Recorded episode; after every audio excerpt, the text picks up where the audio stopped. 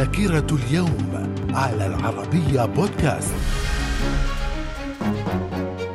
أهلا بكم ومن ذاكرة اليوم الثاني من أغسطس من العام 1914 ألمانيا تجتاح دوقية لوكسمبورغ وتوجه إنذارا لبلجيكا أثناء الحرب العالمية الأولى. وفي العام 1921 الزعيم السوفيتي فلاديمير لينين يوجه نداء للدول الصناعية لمساعدة بلاده المهددة بخطر المجاعة بسبب تراجع إنتاج المحاصيل التفاصيل الزراعية فيها وعصبة الأمم ترفض نداءه وتحمل حكومته مسؤولية هذا الوضع. من الذاكرة. في العام 1934 أدولف هتلر يصبح قائدا لألمانيا. وفي الثاني من أغسطس من العام 1940 حكومة فيتشي الفرنسية تصدر حكما غيابيا بالإعدام على الجنرال شارل ديغول وذلك أثناء الحرب العالمية الثانية.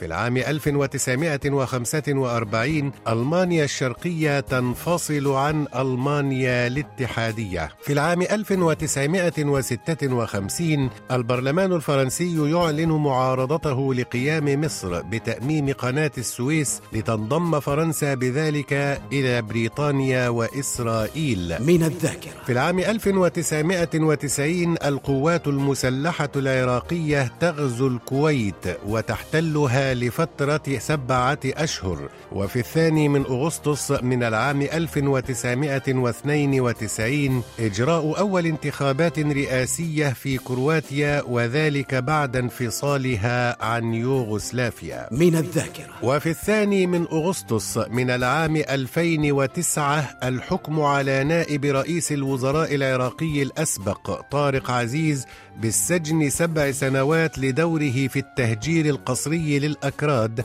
أثناء فترة حكم الرئيس العراقي صدام حسين. وفي عام 2012 الإعلان عن تشكيل الحكومة المصرية الأولى بعد انتخاب الرئيس محمد مرسي برئاسة هشام قنديل. في الثاني من أغسطس من العام 2013 الجيش التونسي يقصف المحمية الطبيعية جبل الشعامبي بالطائرات والمدفعية وذلك بعد أحداث إرهابية هناك. من الذكر ومن مواليد هذا اليوم الثاني من أغسطس ولكن في العام 1696 ولد السلطان محمود الأول السلطان العثماني الخامس والعشرين. وفي العام 1868 ولد الملك قسطنطين الأول ملك اليونان. وفي الثاني من أغسطس من العام